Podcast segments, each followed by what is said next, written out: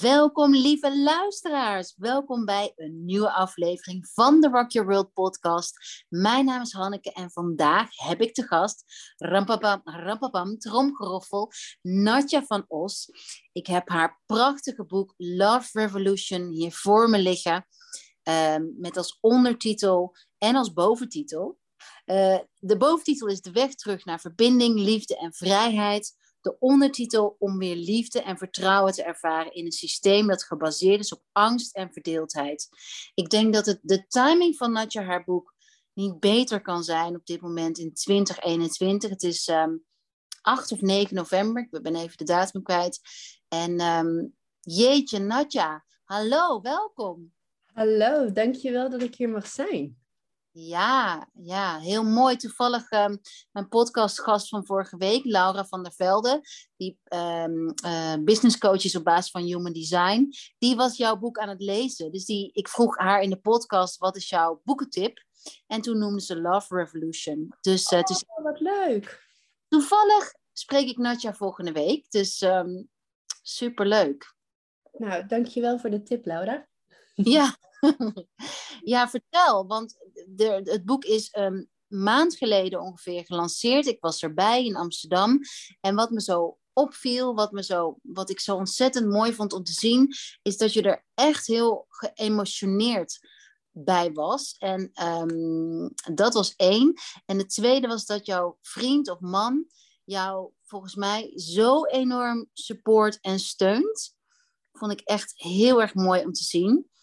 Uh, maar klopt dat? Was je echt, is dit boek voor jou, wat betekent dit boek voor jou? Ja, uh, mooie vraag, dank je. Heel erg veel eigenlijk. Ik word er bijna emotioneel van als je het er nu zo over hebt, eerlijk gezegd. Um, ik merk dat ook heel erg aan mezelf, dat voor mij is het niet, oké, hop, ik schrijf een boek en dan moet hij gelanceerd worden en dan is dat leuke marketing en dan weer verder. Dit boek is echt, ja, hij komt echt uit mijn tenen ongeveer. Um, het is behalve dat het ook natuurlijk mijn levenswerk is, een, een, stuk van mijn levensverhaal, is het voor mij ook de boodschap die voor mij, niet voor mij eerlijk gezegd, maar voor het collectief nu zo ontzettend belangrijk is. En um, het is echt mijn bijdrage aan een, een mooiere wereld die ik graag zou willen zien in deze tijd. Mooi. En hoe, wat zijn de kernwaarden van die van die mooie wereld, volgens jou? Uh, nou, mijn, mijn persoonlijk zijn sowieso uh, vrijheid. En dat gaat dan natuurlijk ook over innerlijke vrijheid.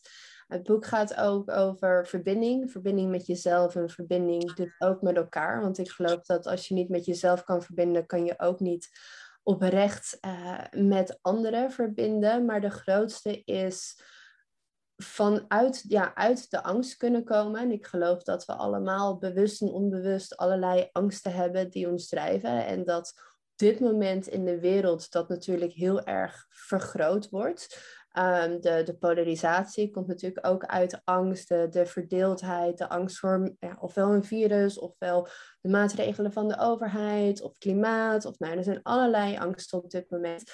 Um, om daarmee te kunnen werken, mentaal, om dat aan te kunnen kijken, om dat te kunnen dragen en er doorheen te kunnen werken en vanuit daar terug te kunnen komen naar um, liefde en verbinding en vertrouwen en rust. Zodat we vanuit die staat van zijn kunnen gaan handelen. Ik denk namelijk dat alleen als je in een staat van liefde, verbinding en vertrouwen gaat handelen, dat wij een betere wereld kunnen creëren. En dat we die niet kunnen creëren vanuit boosheid, woede, angst of met vingers wijzen. Nee. En, en, en wat kan je, kan je voor mij schetsen, voor de luisteraar, wat zou dat echt kunnen brengen? Wat zou dat op een dagelijkse basis kunnen zijn? Op een dagelijkse, ja, een dagelijkse basis. Um, kijk, ik denk dat wij heel veel angsten hebben waar we ons dus niet ook altijd bewust van zijn. Ik heb het over uh, van, van de angst naar liefde. En ik denk dat heel veel mensen denken, ja, maar hè, zo bang ben ik niet voor deze tijd. Dus ik loop toch niet heel dag bang rond. Dus uh, ja, voor mij, voor mij is dit niet. Terwijl als je echt naar binnen gaat keren en gaat observeren naar hoe jouw innerlijke systeem eruit ziet. Dus jouw gedachten, jouw patronen, jouw gedragingen, je emoties. Ehm, en, en wat daar allemaal onder zou kunnen liggen, zie je vaak dat we heel veel gedreven worden vanuit angst. Het zijn vaak van die stemmetjes die zeggen: Oh, je doet niet genoeg op een dag, of je bent niet genoeg, of het moet nog beter, of ik heb niet genoeg tijd. Of als die persoon zich nou eens zo zou kunnen gedragen, dan kan ik me beter voelen, of dan, dan, hè, dan kunnen we ons allemaal beter voelen. Dus het is allemaal um, gedreven vanuit niet genoeg, vanuit schaarste, vanuit um, afgescheiden zijn van anderen. En ik denk dat onze grootste universele angst is om niet goed genoeg te zijn. Die angst die, die, ja, die zit volgens mij toch best wel bij veel mensen um, diep. En bij de ene is die natuurlijk groter dan bij de ander. En dat kan zich op dagelijkse basis uiten in um, ofwel overwerken en altijd druk zijn en nooit rust nemen en in een burn-out terechtkomen. Of dat kan zich uiten door eigenlijk altijd heel veel stress voelen. Ehm, heel gestrest zijn en denken, ja, ja, dat hoort nu eenmaal erbij. Hè? Zo, zo werkt het leven nou helemaal. Um, of heel boos zijn of heel veroordelend zijn naar andere mensen. Wat vaak betekent dat je eigenlijk heel veroordelend bent naar jezelf toe. Um, dus dat zijn allemaal kleine dagelijkse dingen. die zich op die manier vanuit angst uiten. Op het moment dat je daarmee kan gaan werken, dan ga je volgens mij, kijk je dan niet weg daarvan? Want ik geloof daar dus niet in, in, in wegkijken, omdat je kan wegkijken van wat je moeilijk vindt. Maar daardoor blijft het er juist. Maar juist door het aan te gaan, door het aan te kijken en er doorheen te werken, kan je gaan kiezen voor wat anders. Kan je gaan kiezen voor ik ben genoeg zoals ik nu ben. En kan je ook ervoor kiezen om daarnaar te gaan handelen. En dat ziet er voor iedereen anders uit. Dat kan betekenen hey, deze relatie is super destructief en ik, ik verdien beter en dat besef ik nu. En ik kies ervoor om die los te laten of ik kies ervoor om een dag minder te gaan werken of ik kies ervoor om uh, die droom die ik al heel lang heb uitgesteld en denk, nou ja, ooit als ik uh, later groot ben of met pensioen ben, dat je die nu achterna gaat. Dat, of het kunnen hele kleine dingetjes zijn. Het kan ook zeggen dat je zegt, joh, ik gun mezelf een dagje sauna of ik gun mezelf even een break. Het, het kan van alles zijn. Ja, mooi. En, en ik denk, uh, ik, ik host heel veel retreats en daarin komt ik inderdaad, ik ben niet goed genoeg uh, als een van de eerste naar boven. Of hij hmm. wel, en dat zul je herkennen, of hij is verpakt oh, in uh, niet goed voor zichzelf zorgen. Um, of verpakt in, ik, ik kan de controle niet loslaten.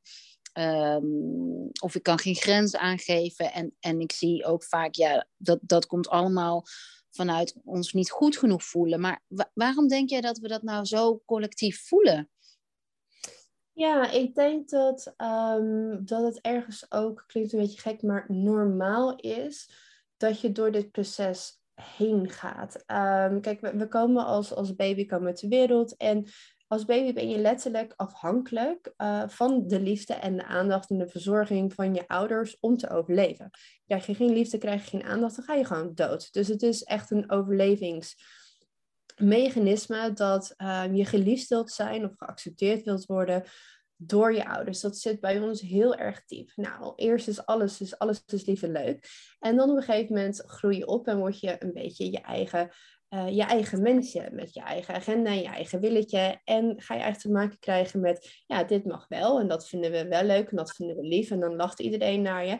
En als je een pak melk door de huiskamer smijt, ja, dat vinden we minder leuk. Dat is, dat, dat is niet leuk. Dus je gaat te maken krijgen met Ehm, wel goed, dan is papa en mama wel blij. Oh, dan is papa en mama niet blij. Dus iedereen ontwikkelt daarin een, een ego. Dat alle mensen, daar ontkom je niet aan. Volgens mij hebben ze um, bewezen dat alleen mensen die, uh, nou ja, de paar mensen die dan opgegroeid worden door, door wolven, die, die hebben bestaan, dat die geen ego ontwikkelen. Maar op het moment dat je met mensen opgroeit, ontwikkel je een ego. En dat ego is eigenlijk die stem die zegt Ehm, ik zorg dat jij veilig bent. Door kijk uit, kijk uit voor gevaar. Kijk uit dat je uh, niet afgestoten wordt van de groep. Kijk uit dat je je aanpast. Anders um, ja, krijg je het ik ben niet goed genoeg. Ik, ben, ik doe niet genoeg. Of nou, noem het maar op. En op een gegeven moment heb je binnen een gezin natuurlijk ook allemaal familiedynamieken. En ook al heb je een prima jeugd gehad. En dat zijn heel veel mensen die bij mij komen als klant die zeggen, ja, ik snap het niet. En die hebben soms ook echt burn-outs, depressies, um, eetstoornissen. En die komen bij mij en zeggen, ik heb echt niks. Ik heb geen heftige, gewelddadige jeugd meegemaakt. Dus hoe kan dit dan?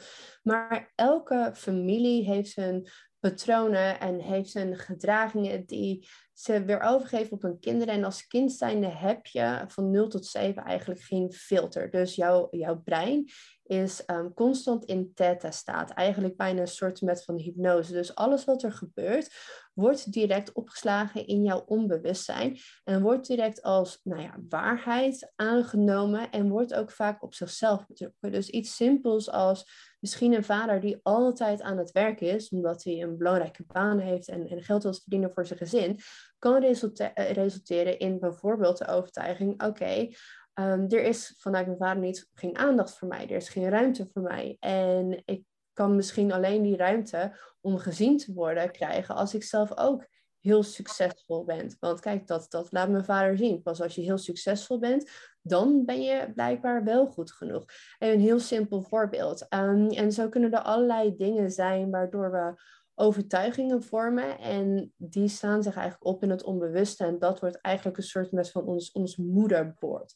Nou, dan worden we ouder en dan gaan we ook onze ratio ontwikkelen en dan gaan we dingen uh, kunnen voor waarheid aannemen, maar kunnen we ook weer afstoten en zeggen nee, dit, dit klopt niet met mijn waarheid. Maar mijn waarheid is dan eigenlijk al het systeem wat jij op dat moment gevormd hebt. Um, dus je ziet eigenlijk alles, heel de wereld, door de, de lens heen van jouw overtuigingen. En je brein gaat eigenlijk op zoek naar een confirmatie. Dat het moet kloppen met die overtuigingen. Um, en daaronder ligt vaak de angst om niet goed genoeg te zijn, omdat um, ja, dat is eigenlijk die oerangst van als wij niet geaccepteerd worden, wij niet genoeg zijn, ja, dan overleef je niet. Hmm interessant. En ik vind het ook heel interessant wat je zei over 0 tot 7, dus geen filter, geen, geen theta. Kun je daar nog iets over zeggen? Hoe, hoe, hoe komt dat? Moet ons brein zich nog helemaal ontwikkelen? Is dat daarvan? Ja, Daardoor? echt een ontwikkelingsstadium. dat beta is natuurlijk heel goed is echt, die, ja, echt het leren en het concentreren. En dus ook als we een hoge beta gaan, dan uh, zijn we ook meer gestrest en meer gefocust. Maar ja, theta is, uh, je kan hem ook gewoon nu bereiken, maar dat is in een soort met van meditatieve, uh, hypnoseachtige stand. Kinderen die, die moeten die ratio nog ontwikkelen hun eigen filter als het ware nog ontwikkelen. Dus dat is ook een beetje de reden waarom ja, die filter eerst nog niet is en alles gewoon direct als waarheid aangenomen wordt. En na ongeveer je zevende jaar is dat minder. Maar na je zevende jaar kunnen ook nog steeds overtuigingen gevormd worden. Wat mooi. En vanuit Ayurveda is dit echt de, de kapha-fase. Mm. Van, uh, dus echt de uh, elementen water en aarde.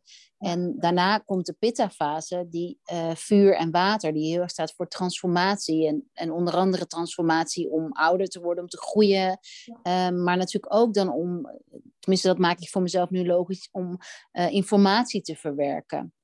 Dus ja. um, wat mooi. En, en is het dus daarom ook, um, zou, je, zou je kunnen zeggen dat, dat bijvoorbeeld dat, dat de ontwikkeling van, de, van die hersenen ook, uh, die komen natuurlijk ook weer terug in zwemmen, in uh, leren lezen. Is, is, is bij hoogbegaafde kinderen die samenstelling anders? Weet je dat?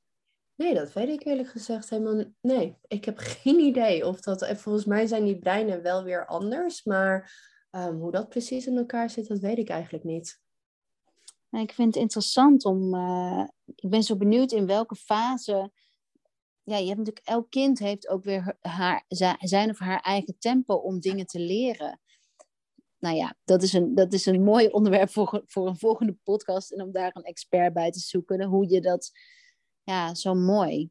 Heel mooi. Want ook kinderen leren natuurlijk ook heel erg door gezichtsuitdrukkingen en door reflectie dat heeft denk ik ook heel erg met die, uh, met die theta-staat te maken.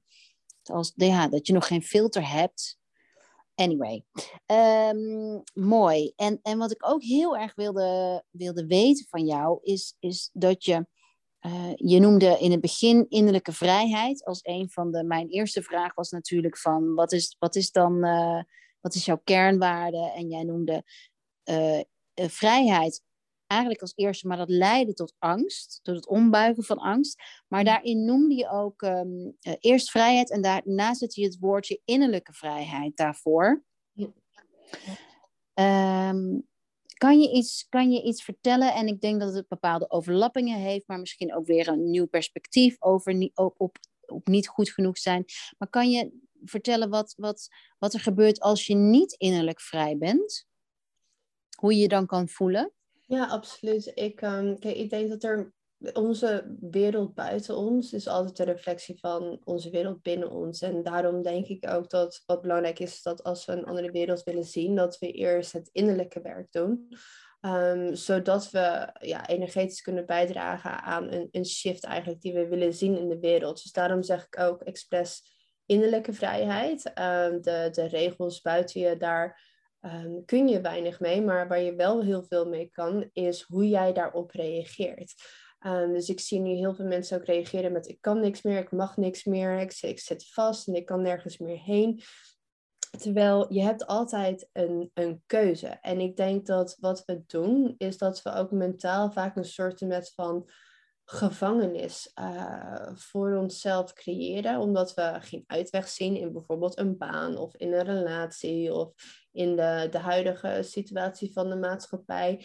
En dat we een gevangenis creëren doordat we zo'n angst hebben om uh, niet geaccepteerd te worden. Dat is ook dus echt een van die oerangsten. Want vroeger als je dan afgestoten werd door de groep, dan overleefde je niet. Dus ons ego is ook nodig. Het is ook goed dat we die hebben ontwikkeld, want we hebben hem nodig om ons veilig te houden. Die zegt, hey, kijk uit, stap niet, hè, loop niet in de sloot en loop niet van een ravijn af. En, en die waarschuwt je voor gevaar. Het is alleen hoe wij daarmee omgaan en hoe wij relateren aan dat ego. Of dat ego ons eigenlijk in een gevangenschap houdt. Van kijk uit, kijk uit, kijk uit. En beweeg niet uit je comfortzone, zeg maar. Ehm, of dat we het ego kunnen zien voor wat het is en kijken, oké, deze angst is relevant. Hier, hè, hier mag ik voor waken. Of nee, ik zie je, ik hoor je en ik kies ervoor om wat anders te doen. En wat ik vaak zie is die angst voor oordeel zorgt ervoor dat we eigenlijk onszelf een beetje gaan ja, verloochelen. Dat we ons niet meer vrij voelen om onszelf te zijn. Dat we bijvoorbeeld onszelf gaan censureren of bepaalde kanten van onszelf um, een beetje weg gaan drukken en, en weg gaan moffelen en gaan verbergen. En dat we andere kanten uit gaan vergroten. Want dan hebben we geleerd van, oh wacht even, dat wordt gewaardeerd. Dus dan gaan we die meer laten zien aan de buitenwereld. En zo langzaam, als je dat jarenlang doet en eigenlijk die energie constant gericht is op die buitenwereld van hé, hey, wat wordt geaccepteerd en hé, hey, wat vinden mensen fijn en hé, hey, wat wordt beloond en, en hoe moet ik me gedragen om geaccepteerd te worden of status te krijgen of, of gevierd te worden in de maatschappij. Hoe langer je dat doet, hoe meer je jezelf eigenlijk kwijtraakt en op een gegeven moment ook niet meer zo goed weet van hé, hey, wacht even, wie ben ik nou eigenlijk? En en wie, wat wil ik eigenlijk? En dat is een soort mentaal gevangenschap waar je dan op een gegeven moment in hebt gezet. Waar je constant bezig bent met handelen naar de verwachtingen waarvan je denkt dat anderen die van jou hebben. Ja, mooi gezegd. En, en, en, en wat, als jij zelf eh, zoiets tegenkomt, want ik, ik, ik denk dat, dat jij heus nog wel ook soms zoiets tegenkomt. Mhm. Eh, in, in, je eigen, in, in jouw innerlijk werk. Hoe, hoe heb je dan jezelf aangeleerd om daarop te reageren? Ik denk sowieso dat dit werk stopt nooit. Um, dus uh, ja, je ontwikkelt een andere relatie met je ego op een gegeven moment. En het lukt je steeds meer om je innerlijke systeem te gaan herprogrammeren, zodat het steeds meer geprogrammeerd wordt op um, liefde, vertrouwen en overvloed. Maar het ego zal altijd blijven. Dus ik denk dat dat heel belangrijk is voor mensen dat het streven niet is om egoloos te zijn, want dat kan niet. En ik geloof ook niet dat je dat um, moet willen. En dat betekent wel dat het belangrijk is dat je bewust blijft van jezelf, van je eigen gedachten, van je eigen triggers, van je eigen ehm, patronen. Dus ik denk dat bewustzijn, uh, het observeren van je eigen gedrag, key is. Want op het moment dat dat er niet is, ja, dan, dan verval je gewoon in die gewoontes en de, de gedachten en uh, de gedragingen. En dan ga je eigenlijk op automatisch piloot bewandel je steeds weer diezelfde cirkel. Op het moment dat je het kan vangen, dat je uh, bewustwording erover hebt, dan is het ook hoe jij je voelt over hoe je je voelt. Dus er zit heel veel gelaagdheid in. Dus vaak stel je voor dat ik een, um, een, een heel hard oordeel heb over, weet ik niet, mezelf of over een ander. Ehm, en ik kan dat vangen en ik kan dat zien. En ik denk, oh, oh, ik heb echt een heel gemeen oordeel over nou, mezelf of een ander. Dan kan ik gelijk weer reageren met, oh, wat slecht. En dat mag niet. En dat is uh, niet spiritueel. En dat wil ik niet. Maar wat doe ik dan? Ik reageer met een oordeel over mijn oordeel. Dus ik, ik bouw dat oordeel eigenlijk alleen maar op. Dus het gaat er ook echt om om het te zien en het te observeren van een afstandje en er ook met compassie naar te kunnen kijken van, oh, oké, ik kan een oordeel, dat was heel lelijk naar mezelf toe of naar iemand anders toe. Oké, waar komt dat? Hè? Ik ga dat ook vaak even onderzoeken van, oh, waar komt dat vandaan? Is dat een projectie of is dat een oud iets dat daar zit? En op het moment dat je daar bewustwording van krijgt, van, oh, wacht even, dat is een programmering en je er niet meer mee identificeert van, ik ben die gedachte, ik ben niet goed genoeg of ik ben lelijk, want ik heb een oordeel over iemand anders. En je kan het met een afstandje bekijken en die identificatie loslaten. Heb je dus ook echt een keuze om die gedachte te vergeven en te kiezen voor wat anders. En ik stuur dan zelf altijd bijvoorbeeld of liefde naar die persoon toe of liefde naar mezelf toe. En ik kies eigenlijk voor een andere gedachte en daarbij ook een belichaming die daarbij hoort. En ik denk dat dat heel belangrijk is, want we kunnen wel voor een uh, hogere gedachte kiezen. Maar op het moment dat we ons daar ook niet naar gaan gedragen, dat niet gaan belichamen, dat ook niet kunnen voelen, dan gebeurt er nog steeds niet zo heel erg veel. Ja, mooi. Ja, dat, dat, dat herken ik ook heel erg. En dat um, vind ik mooi dat je dat zegt. En um, dus eigenlijk wat je zegt is, je, je, je, je wordt steeds bewuster van, van hoe je lichaam erop reageert. Uh, hoe, hoe, ja, eigenlijk is de weg bewustzijn. En dan probeer je een time-out te nemen. En mhm. dan kies je voor iets anders. En daarmee zeg je van, ik kies niet... Uh, ja, ik kies ook daarin van over wat ik kies, kies ik heel bewust. Ja ja, heel intentioneel inderdaad. En daarom is het ook zo belangrijk, omdat, ja, ik noem het het, innerlijke werk.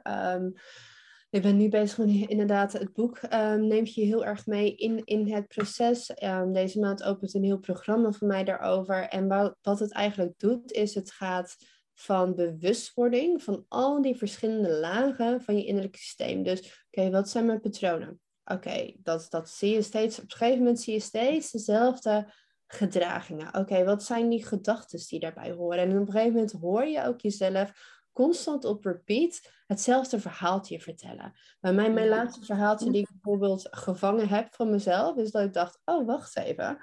Ik vertelde mezelf de hele dag, oh ja, als ik het niet doe, dan doet niemand het. Oh ja. ja. Oh, dat zullen veel vrouwen herkennen, denk ik. ik. Oh, ik pak het wel op. Want uh, ja, en dan gaat het natuurlijk altijd over de man, sorry. Ja. want als ik op hem moet wachten, dan duurt het zo lang. Ja, op, op, ik doe het wel even. Um, dus dat, dat, en grappig genoeg gaat dat bij ons andersom. Niet dus niet over het huishouden, want hij is supergoed in het huishouden. En ik maak overal een gigantische rotzooi van. Um, maar het gaat dus echt over andere dingen. Dat ik uh, het verhaal heb, oh, ik pak het wel. Want als ik het, als ik het niet draag, als ik het niet doe, ja, dan doet niemand het. Dus ik regel het wel. Nou, en dat verhaal stond op een gegeven moment zonder dat ik het dan door had. En dat is het ego, die komt er altijd dan weer even ingesnikt met een nieuw verhaal. Um, ging me daarnaar gedragen. En wat was de emotie die daarbij kon kijken? Ja, je wordt er ook gestrest van. Hè? Je voelt zwaar, kreeg pijn in mijn schouders. Want je gaat letterlijk dragen en heel veel taken op je nemen. En dan ben je moe en denk je, nou, ik werk nog wel even door, weet je wel, die. En dan kan je het zien en dan ga je ook kijken van, oh ja, oké, wat, voor, ja, wat voor overtuiging uh, ligt daaronder? Van ik moet het allemaal alleen doen, of ik kan geen support ontvangen, of hè, ik kan niet op anderen vertrouwen. Ehm, ik, moet, ik moet alles dragen. En wat zijn die gedragingen erin? Oké, nou dan kan ik hem zien, dan kan ik hem vangen, dan weet ik hoe ik me ernaar gedraag. Maar vervolgens kan ik dan ook gaan kiezen van, hey, als ik um, nu een nieuwe gedachte, een nieuwe overtuiging kies en hoe die eruit ziet, dat is uh, wat daar heel belangrijk voor, jou, voor mensen is, is dat het resoneert. Dat je hem kan voelen. Dat je echt kan denken, oh ja, ja. Bij mij is het bijvoorbeeld, um, ik mag dingen uit handen geven en ik mag support ontvangen. Uh, voor mij is het dus bijvoorbeeld mijn patroon dat het veel makkelijker is voor mij om heel veel te geven en heel veel te dragen dan te ontvangen. Ontvangen is natuurlijk heel kwetsbaar.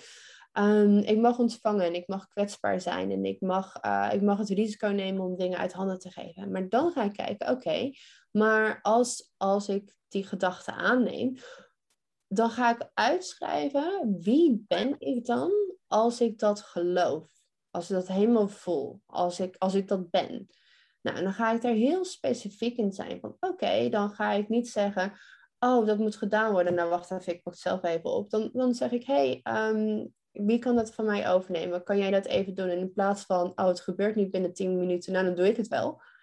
Dan geef ik hem ook de tijd en de kans en de ruimte om het op zijn manier te doen. Ook al vind ik dan, hè, dat is ook mijn, weer mijn controle, dat het dan weer op mijn manier moet. En dan laat ik het los. Dan geef ik hem ook de ruimte om dat op te pakken. Dus eh, dat, daar ga ik heel specifiek in worden. En hoe voel ik me dan als ik kan ontvangen? En hoe voel ik me dan als ik uh, me niet hoef te voelen dat ik alles hoef te gedragen. En dat ga ik dan oefenen om dat echt volledig te belichamen. En eigenlijk sla ik dan nog een stap over. Kijk, in dit geval zit er bij mij geen diepe pijn onder. Maar het kan ook zijn dat als we het innerlijke systeem in kaart brengen, dat vaak zitten er dan ook nog oude pijnen onder geloofsovertuigingen. En um, dat kan je trauma's noemen met de grote T, met de kleine T, of gewoon oude pijnen die nog ongevoeld zitten, die eigenlijk als het ware als een haakje vastzitten aan zo'n overtuiging. Um, bijvoorbeeld stel je voor dat, um, ik verzin even wat, dat, dat je vader het gezin heeft verlaten voor een, een andere vrouw. Die is een nieuw gezin gestart bijvoorbeeld en jij hebt je daar nooit helemaal Ehm, welkom ingevoeld. Dan zou een verhaal kunnen zijn, een overtuiging die je toen hebt gevormd, is: oké, ehm, iedereen verlaat me weer. Of ik, ik hoor er niet helemaal bij. Of hè, ik ben niet waardevol genoeg om ehm, bij mij te blijven. Dat kan het verhaal worden. Dat kan ook de manifestatie worden. Dus het patroon dat, als je steeds weer mannen aantrekt die je verlaten. Of dat je in ieder geval de perceptie hebt dat je steeds verlaten wordt. En als je dan gaat werken met die overtuigingen, dan is het dus ook heel belangrijk dat die oude pijn, die daar waarschijnlijk dan nog zit, die als kind niet volledig hebt doorvoeld, omdat je dan in een overlevingsmechanisme gaat en dat gaat afdekken, dat je die weer kan gaan doorvoelen. En dat noem ik um, in de module, in, in die cursus, dat ook echt de helingsfase. En dat is echt het, het, het diepere werk. Dat op het moment dat je dat niet doet, en dat zie ik vaak dat dat wordt overgeslagen, en niet um, leert hoe je daar doorheen kan bewegen, dan blijft eigenlijk dat haakje aan die overtuiging zitten. En dan kan je nog zo hard proberen om te herprogrammeren, maar dat gaat dan eigenlijk heel moeizaam tot niet. Ja, herkenbaar. Heel herkenbaar. En wanneer start je course? 21 november gaat hij open. En hij zal, um, hij zal evergreen uh, lopen, dat, daar bedoel ik mee. Hij zal gewoon open blijven. Ik deed hem vroeger, um, een hele andere versie daarvan. Deed ik hem één keer in de twee jaar. En nu heb ik besloten om een hele nieuwe versie, hele nieuwe video's, alles helemaal vernieuwd te doen met uh, de kennis en, en alles wat ik nu um, ja, weet en kan en doe. En te zorgen dat mensen eigenlijk constant in kunnen blijven stappen. Omdat uh, ja, ik heel erg voel dat het in deze tijd zo nodig is om het mentale draagvlak te creëren. Ook om in deze tijd weer te kunnen gaan, um, ja, te kunnen gaan thriven. Echt, echt het leven te kunnen gaan creëren die jij wilt zien in plaats van te gaan overleven. Want dat is vaak wat er gebeurt als er veel angst om je heen is. Dus dat we in die overlevingsmodus gaan.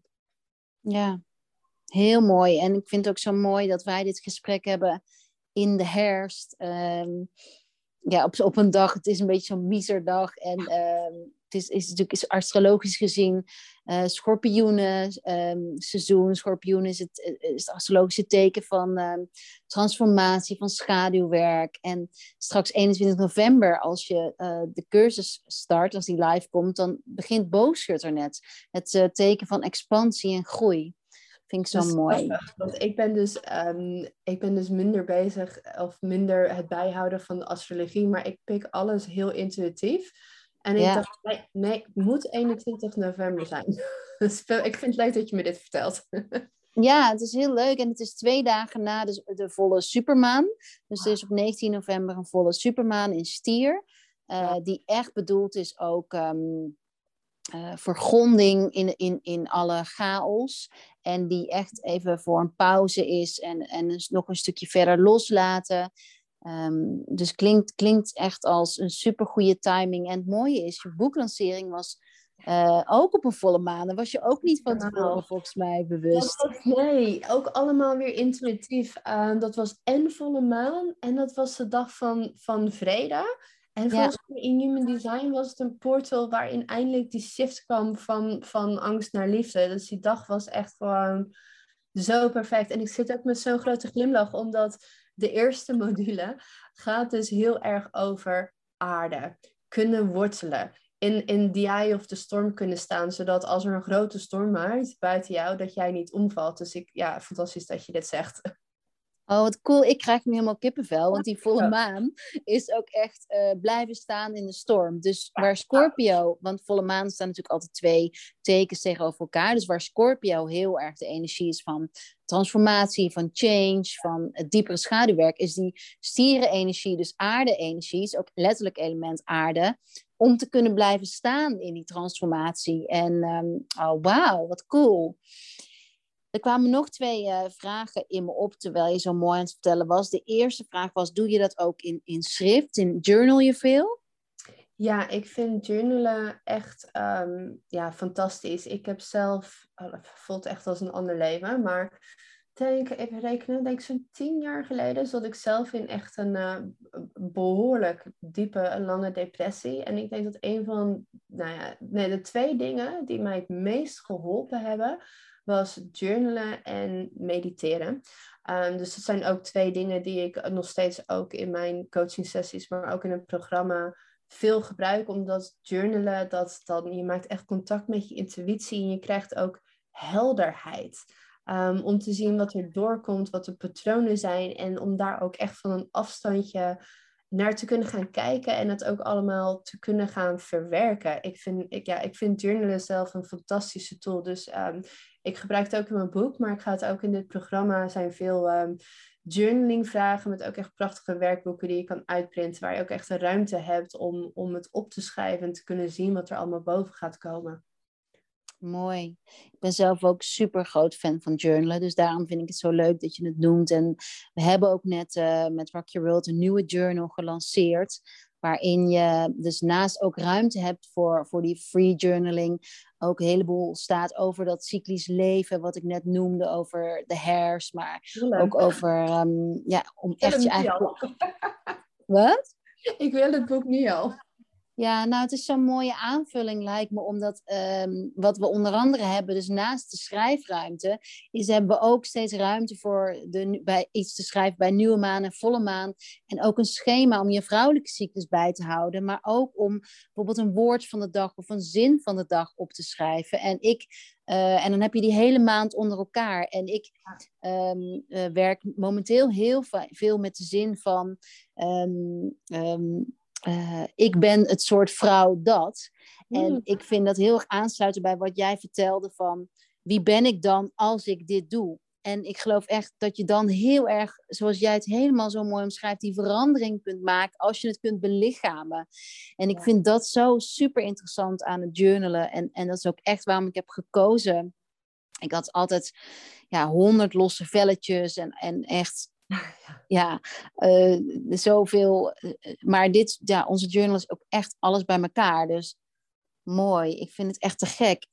En de tweede vraag die ik had aan je. Ehm, denk je dat, dat, dat, we, dat de shift ook onder andere te maken heeft met. Ik want ik voel die shift ook heel sterk. En ik denk met mij um, en jou nog zoveel bewuste vrouwen vrouwen die zo bewust bezig zijn met hun ontwikkeling, laat ik het zo zeggen. Ehm, maar heb je het idee, het is gewoon een vraag die in me opkomt, dat wij hiermee um, mannen ook helpen helen? Dat, dat de heling echt vanuit ons komt?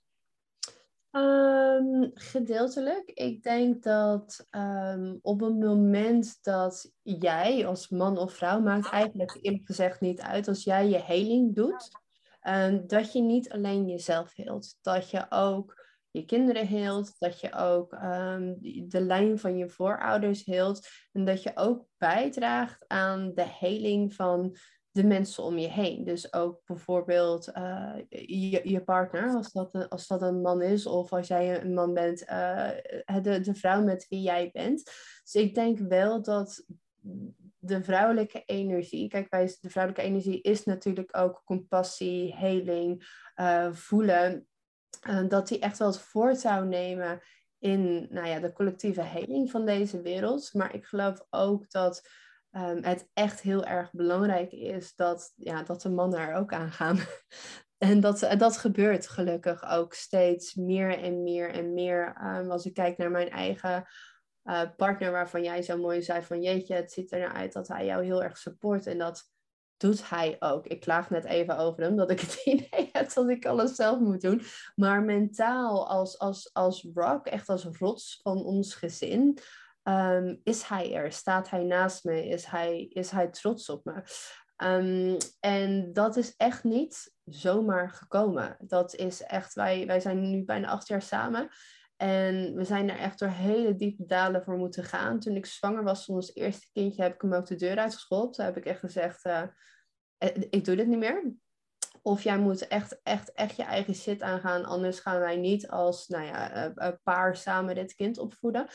En dat wilde hij ook. En ik heb daar best wel veel respect voor. Want heel eerlijk, het had makkelijker geweest voor hem om weg te rennen.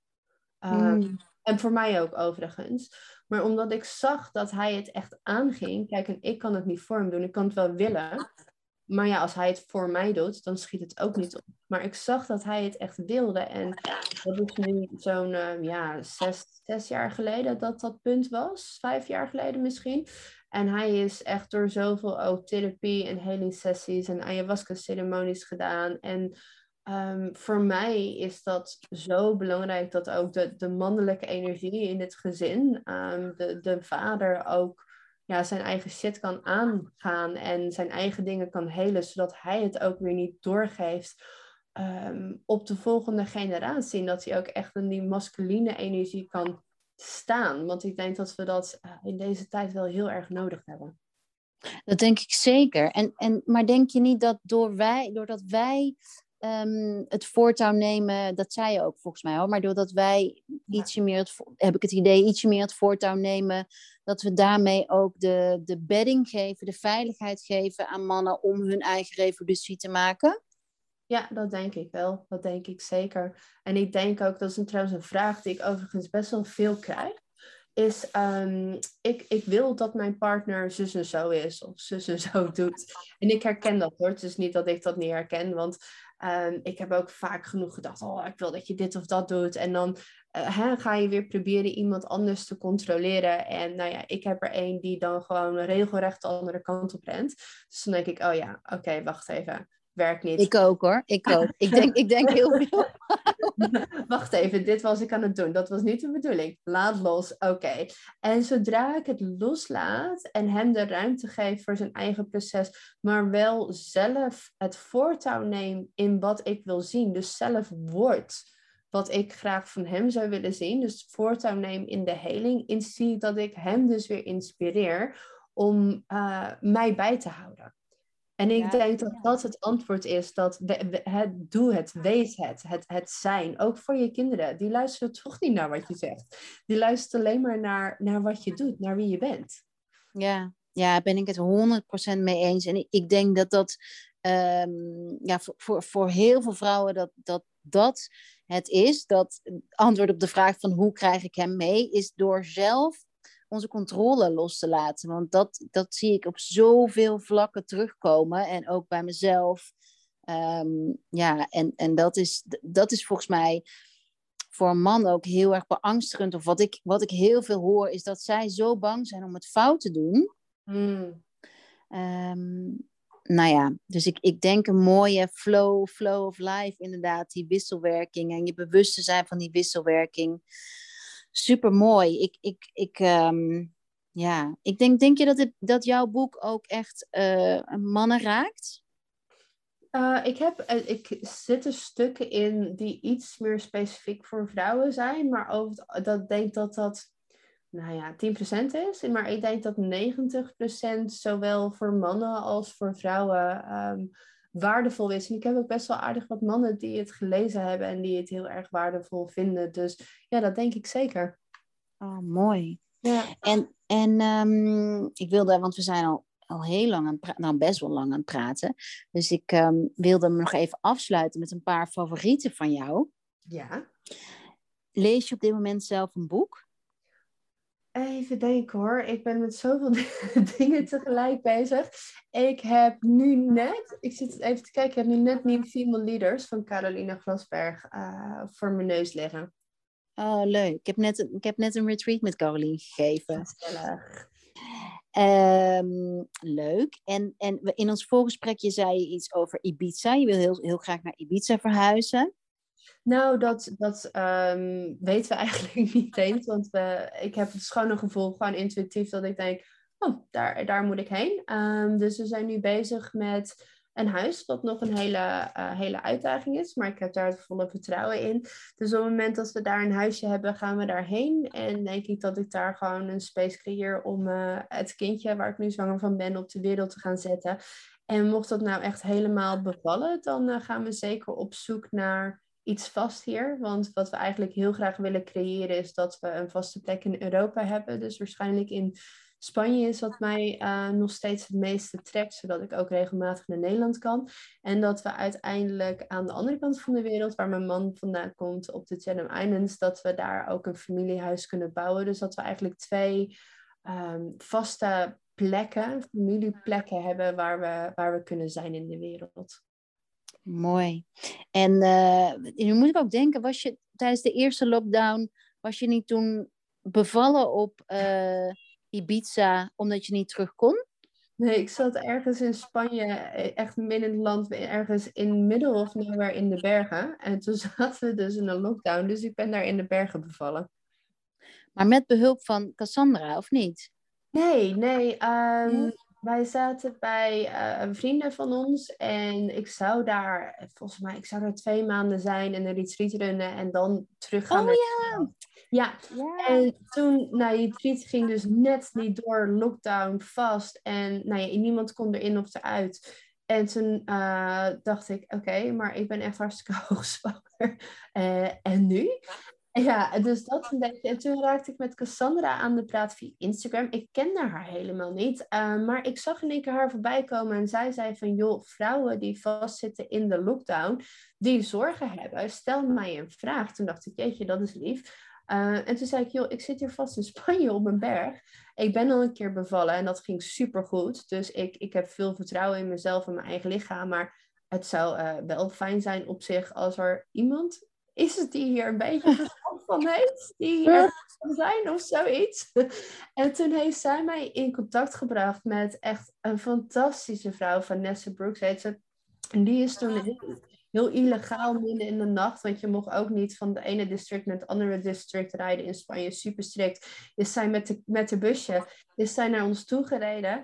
En um, dat is een doula, dus zij heeft eigenlijk gewoon oh. uh, space, space gehouden. Thijs heeft eigenlijk niks gedaan, want dat, dat wilde ik ook niet. Maar zij heeft de space gehouden en het was gewoon een heel prettig idee van... Oh, wacht even, als er nou iets misgaat, dan is er in ieder geval iemand die uh, weet wat ze moet doen, zeg maar. Dat idee. Mooi, heel ja. mooi. En uh, is je tweede kindje een zoon of een dochter? Mijn eerste kindje een zoontje, mijn tweede kindje een dochtertje en mijn derde deze is weer een jongetje. Mooi. En hoe heet die eerste twee kindjes? Uh, Navy en Nala. Mooi. Ja, maar het gaat niet meer Enna worden, want ik zeg alleen maar Navy, Nala, Nala, Navy. Ik heb er niet goed over nagedacht. oh. En um, uh, je favoriete kindertip? favoriete kindertip als moeder? Als, um, hoe, hoe, over ouderschap, moederschap? Ja, ja. zeg nee, maar. Het moederschap, moederschap. Favoriete tip als het gaat om moederschap? Jeetje, uh, nou ik heb echt een fantastisch boek. En ik ben helemaal niet van de opvoedboeken. Ik vind het allemaal, ik kom er niet doorheen en ik denk allemaal, joh, ik doe wel mijn eigen ding op intuïtie. Maar dit boek sprak echt heel erg tot mij. Was, um, hoe heet het? Verzamelen, jagen, opvoeden. Als oh, ja. ik het correct zeg, een geel boek. En toen dacht ik, jeetje, ik doe eigenlijk 80% intuïtief al. En dat gaat toch ook eigenlijk heel erg over gelijkwaardig ouderschap. En dat lukt niet altijd hoor. Ik heb ook echt dagen dat ik denk, alsjeblieft kind, luister nou gewoon naar me. Maar mijn kind lijkt dus uh, erg op mij. dus dat is een leuke, leuke spiegel. Dus hoe meer ik autoritair probeer te zijn en zeg, luister naar mij, hoe meer hij niet luistert. En dan zie ik mezelf en denk ik, ja, oké, dat schiet niet op. Ehm, dus eigenlijk mijn kind ook heel erg in zijn waarde uh, laten. En dan heb ik het vooral over mijn zoontje, want die is natuurlijk wat ouder. Die, die jongste is natuurlijk gewoon nog hartstikke jong. Ehm, en ik merk dat het werkt als ik uitleg waarom iets niet kan of uitleg waarom iets niet mag en ook niet probeer een machtsstrijd met hem aan te gaan, want dat werkte bij mij als kind niet en dat werkt nu nog steeds bij mij niet. En dat, dat werkt bij hem ook niet. En ik merk dat je daardoor gewoon veel relaxter ouderschap krijgt en, en een veel blijer kind ook. Ja, mooi. Ja, ik, het is al vaker voorbij gekomen. Verzamelen, jagen en opvoeden. Nee, verzamelen, jagen en ja, zo, zoiets. Jagen, verzamelen, verzamelen of jagen en dan opvoeden inderdaad. Het gaat dus over, um, dat vind ik heel interessant, want zij zegt eigenlijk, wij hebben het Westen als standaard genomen. Hè? Zo van, zoals wij het in het Westen doen, en dan hebben we allerlei opvoedregels. En bij mij in ieder geval gaan veel van die opvoedregels gaan heel erg tegen mijn intuïtie in. En ik heb inmiddels echt geleerd dat de regels die mogen bij mij overboord. Um, ik luister naar mijn intuïtie en ik doe wat, wat, wat, ja, wat voor mij kloppend en goed voelt. Um, en dat boek bevestigt dat eigenlijk heel erg, dat dat allemaal gebaseerd is op een vrij recent wetenschappelijk onderzoek. En zij gaat dus kijken naar wereldwijd, naar echt oude uh, tribes en stammen waarin zij dus al die regels niet hebben. En eigenlijk de manier van opvoeden echt gebaseerd is op eeuwenlange wijsheid. En hoe zij opvoeden is bijna regelrecht het tegenovergestelde van hoe wij dat doen in het Westen. Wij zijn de autoriteit en dan heb je regels en jij moet naar mij luisteren en ik moet de baas zijn. En dat is heel erg eh, gericht op Um, het kind wordt betrokken in het gezin en die mag meehelpen en die wordt als gelijkwaardig gezien en er, er vindt geen machtsstrijd plaats. En, strijd plaats. en die tribes die zij bezoekt, zij, um, hebben de meest ja, lieve, best luisterende, uh, meehelpende kinderen ter wereld. Dus ik vind dat echt fascinerend. Wauw, ik ga het boek ook lezen. Ja, echt een aanrader. Leuk. Alright, dan ga ik hem bij hiermee afsluiten. Ik zal de, de tips in de, in de show notes zetten. Dus de boeken die we genoemd hebben. Uh, de link naar jouw cursus. Uh, de link naar je boek zal ik erin zetten. Ik zal de link naar onze Rocky World Journal erin zetten. Uh, heb je nog een laatste iets wat je graag wilt delen? Nou, eigenlijk vooral uh, dank je wel dat ik dit fijne gesprek met je aan mocht. En het is superleuk ook om je laatste, laatste gewoon echt een keer in het echt te ontmoeten. Ja, heel graag gedaan. Graag gedaan. En um, ja, lijkt me heel mooi om, um, om, om je nog een keer in het live te spreken. Een keertje ergens komt dat heus wel. Gaat vast goed komen. Alright. Dankjewel Natja. Dankjewel lieve luisteraars. En um, tot de volgende podcast. Dankjewel. Dankjewel.